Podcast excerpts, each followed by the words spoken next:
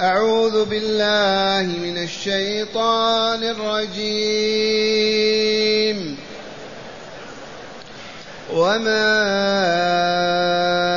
أفاء الله على رسوله منهم فما أوجفتم فما أوجفتم عليه من خيل ولا ركاب ولكن الله ولكن الله يسلط رسله على من يشاء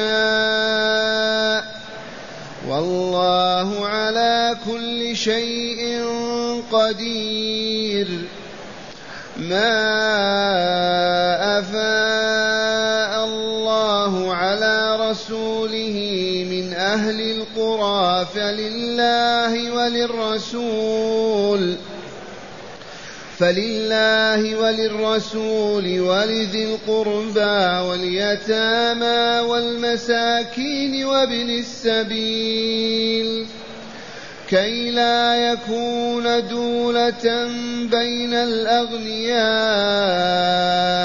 منكم وما آتاكم الرسول فخذوه وما نهاكم عنه فانتهوا واتقوا الله إن الله شديد العقاب.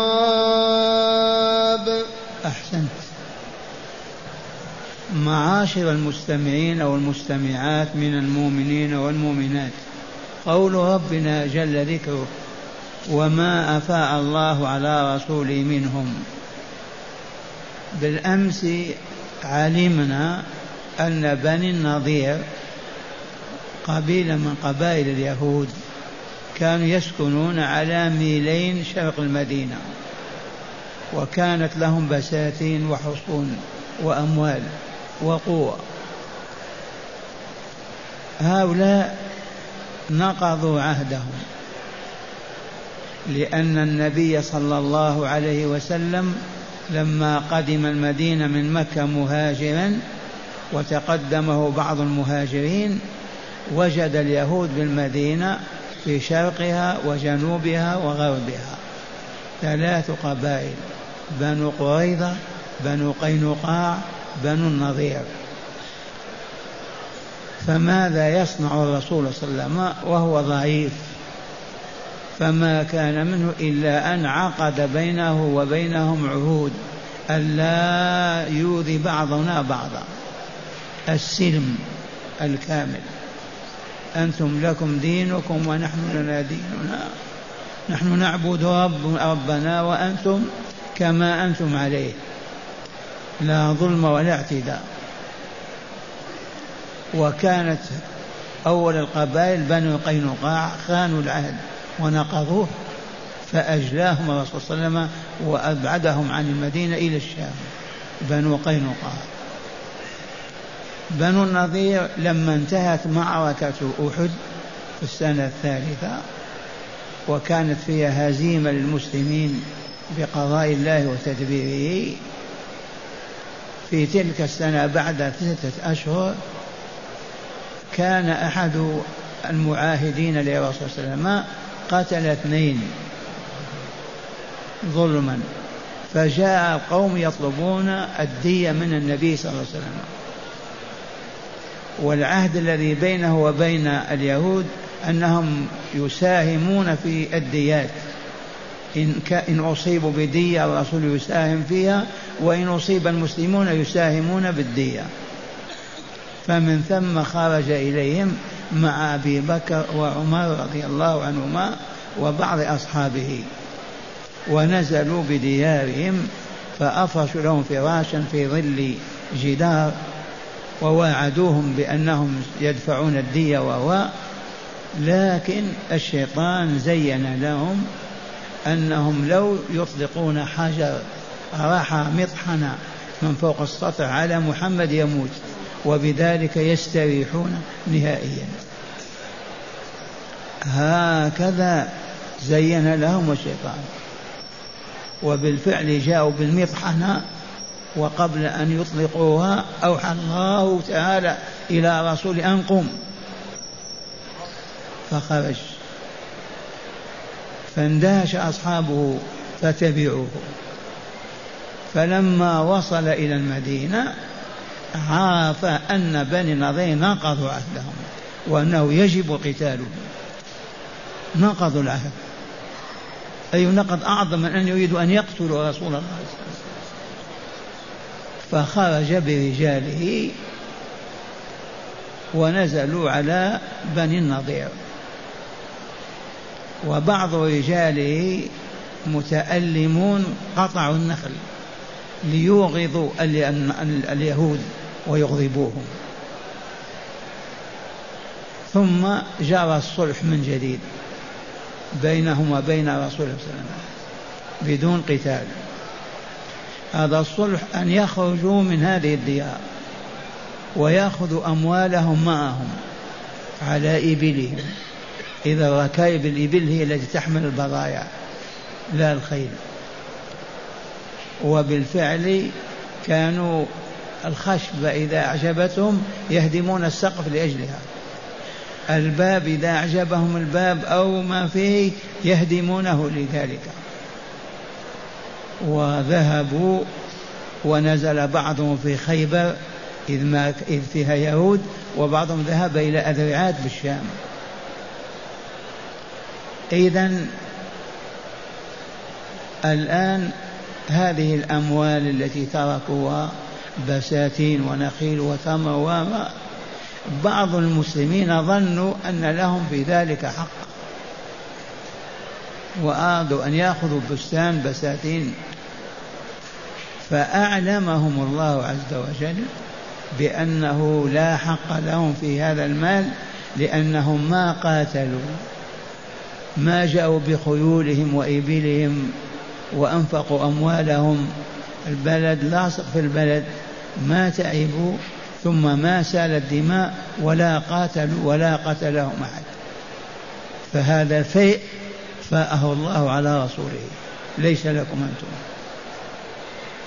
هذا مال رده الله على رسوله صلى الله عليه وسلم. والرسول ينفقه كما يعلمه ربه. أما أنتم أيها الأبطال ما قاتلتم ولا ولا لا حق لكم في هذا المال. فقال تعالى وما أفاء الله على رسوله أي رده عليه لأن المال مال الرسول لأول مرة. لولا أنهم تعاهدوا بالسلم لكان يقاتلهم ويأخذ أموالهم. فالمال رده الله على رسوله لما ذهب اليهود وتركوه. بساتين وحصون وديار.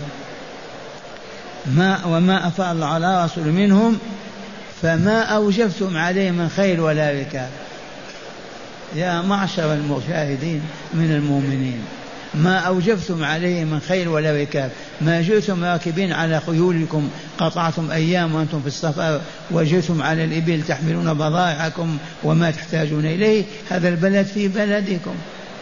ما أوجد من خيل ولا ركاب ولكن الله سلط رسوله وهو عز وجل يسلط رسله على من يشاء. فما قاتلتم حتى تأخذوا الغنائم. بالفعل ما قاتلوا ولا سألت قطع الدم.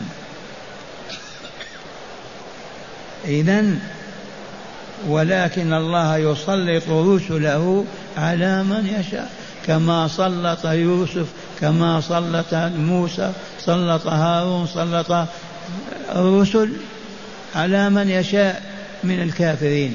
فسلط رسول محمد صلى الله عليه وسلم على بني النضير فأجلاهم جمعهم وحشرهم ثم ذهبوا. فلا حق لكم في هذا الفيء. هكذا يقول تعالى ولكن الله يسلط رسل من يشاء والله على كل شيء قدير. إي والله.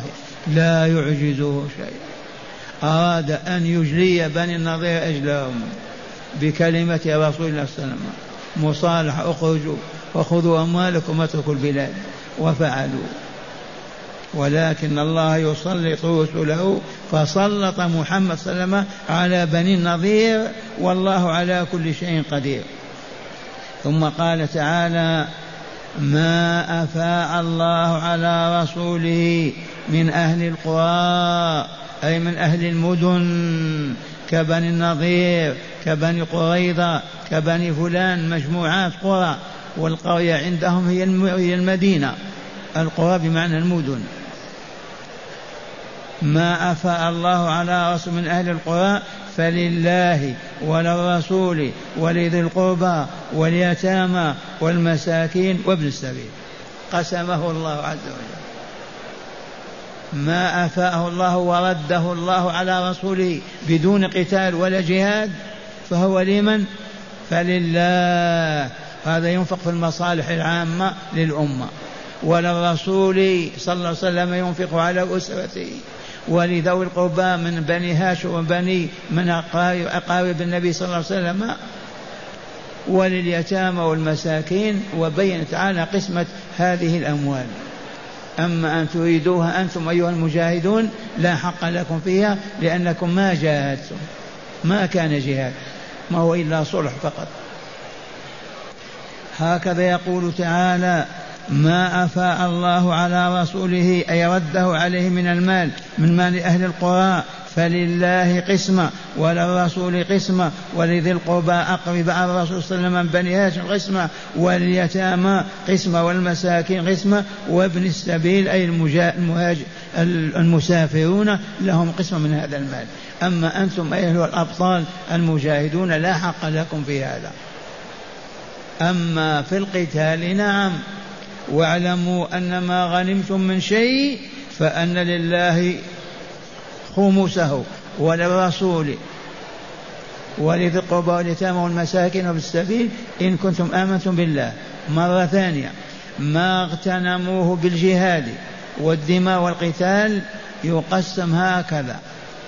واعلموا أن ما غنمتم فأن لله خمسه الخمس لله وللرسول وللقربى واليتامى والمساكين. أربع أخماس للمجاهدين.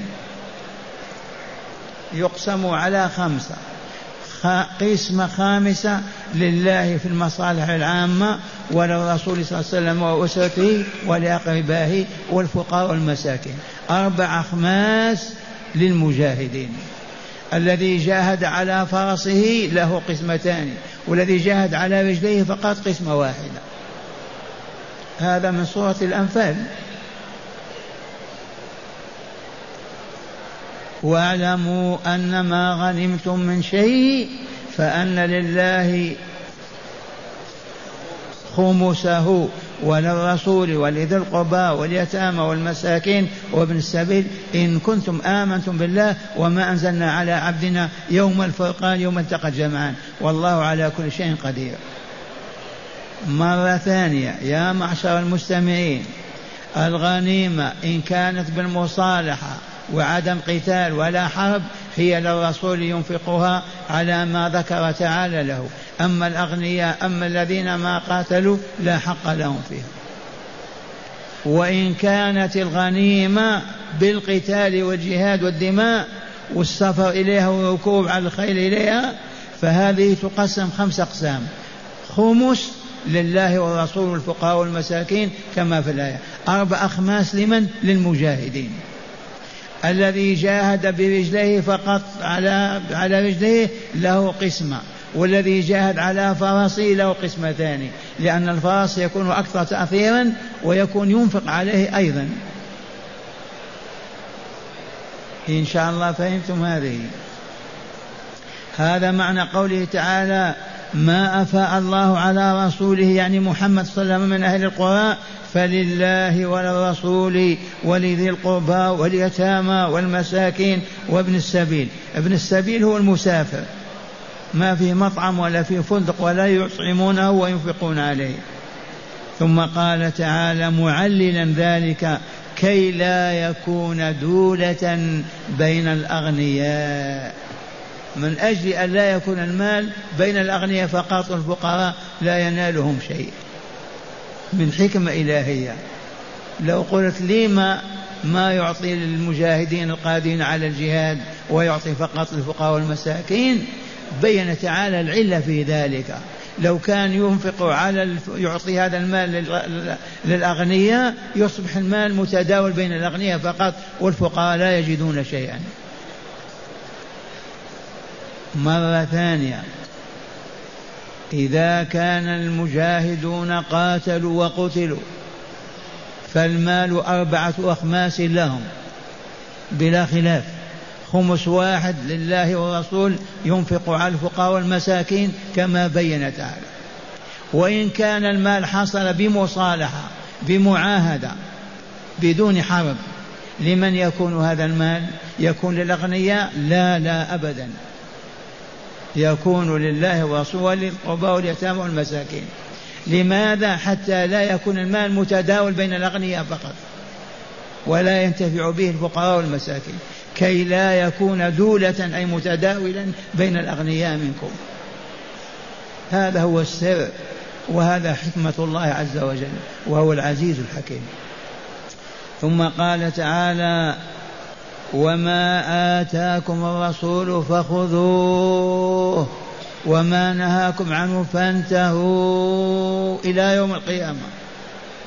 ما أعطاكم الرسول تفضلوا خذوا. أيها الأصحاب أبو بكر وعمر وغيرهم. وما نهاكم عنه فانتهوا فابتعدوا عنه.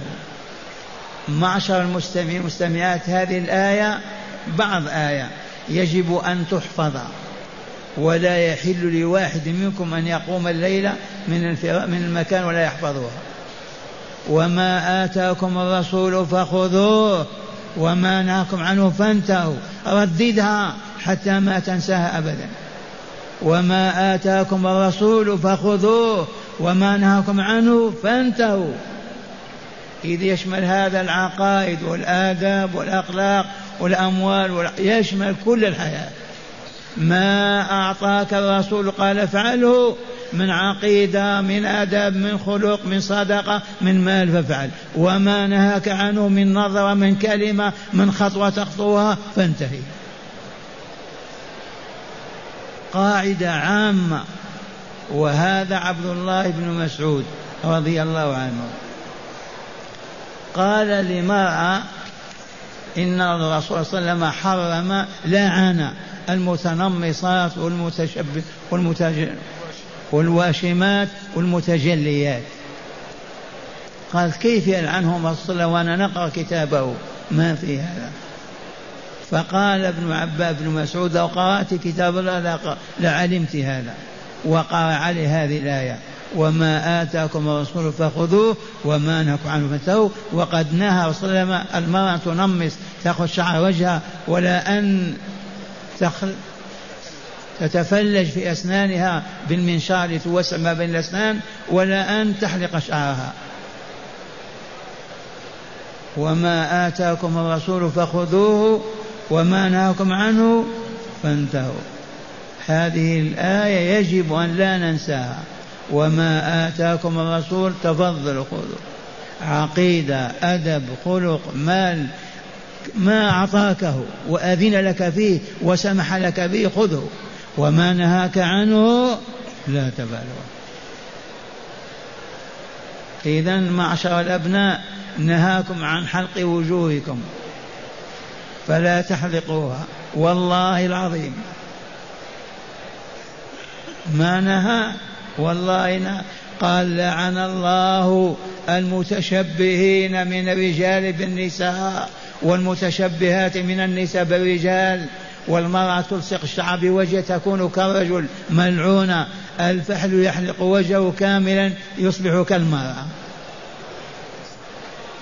وما آتاكم الرسول فخذوه وما نهاكم عنه فانتهوا واتقوا الله.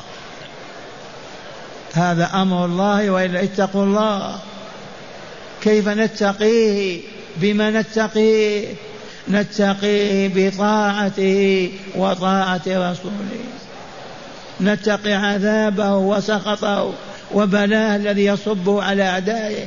نتقيه بطاعته وطاعة رسوله.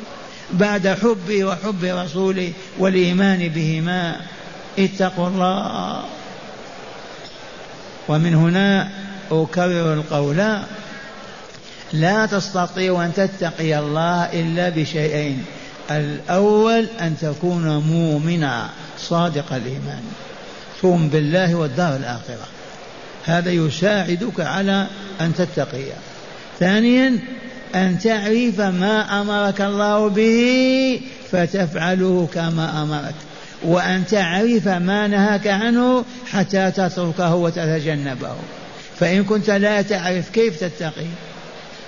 إن كنت ما تعرف ما يحب الله من الاعتقاد والقول والعمل كيف تعتقد ذلك؟ إذا كنت ما تعرف ما نهى الله وحرمه من اعتقاد الباطل والقول الفاسدة كيف تتقي؟ لا بد من العلم. أعلنها رسول الله صلى الله عليه وسلم فقال طلب العلم فريضة على كل مسلم. طلب العلم فريضة على كل مسلم والمسلم تابع لأخيه المسلم. وطلب العلم أي علم هذا؟ ما هو الصناعات ولا الزراعة ولا الفلاحة. طلب العلم الذي به تعبد الله عز وجل. عبادة يزكي بها نفسك ويؤهلك للجنة. دار السلام يوم القيامة. العلم الذي تعرف تعرف فيه ما يحب الله وما يكره وكيف تفعل المحبوب وكيف تترك المكروه هذا هو العلم.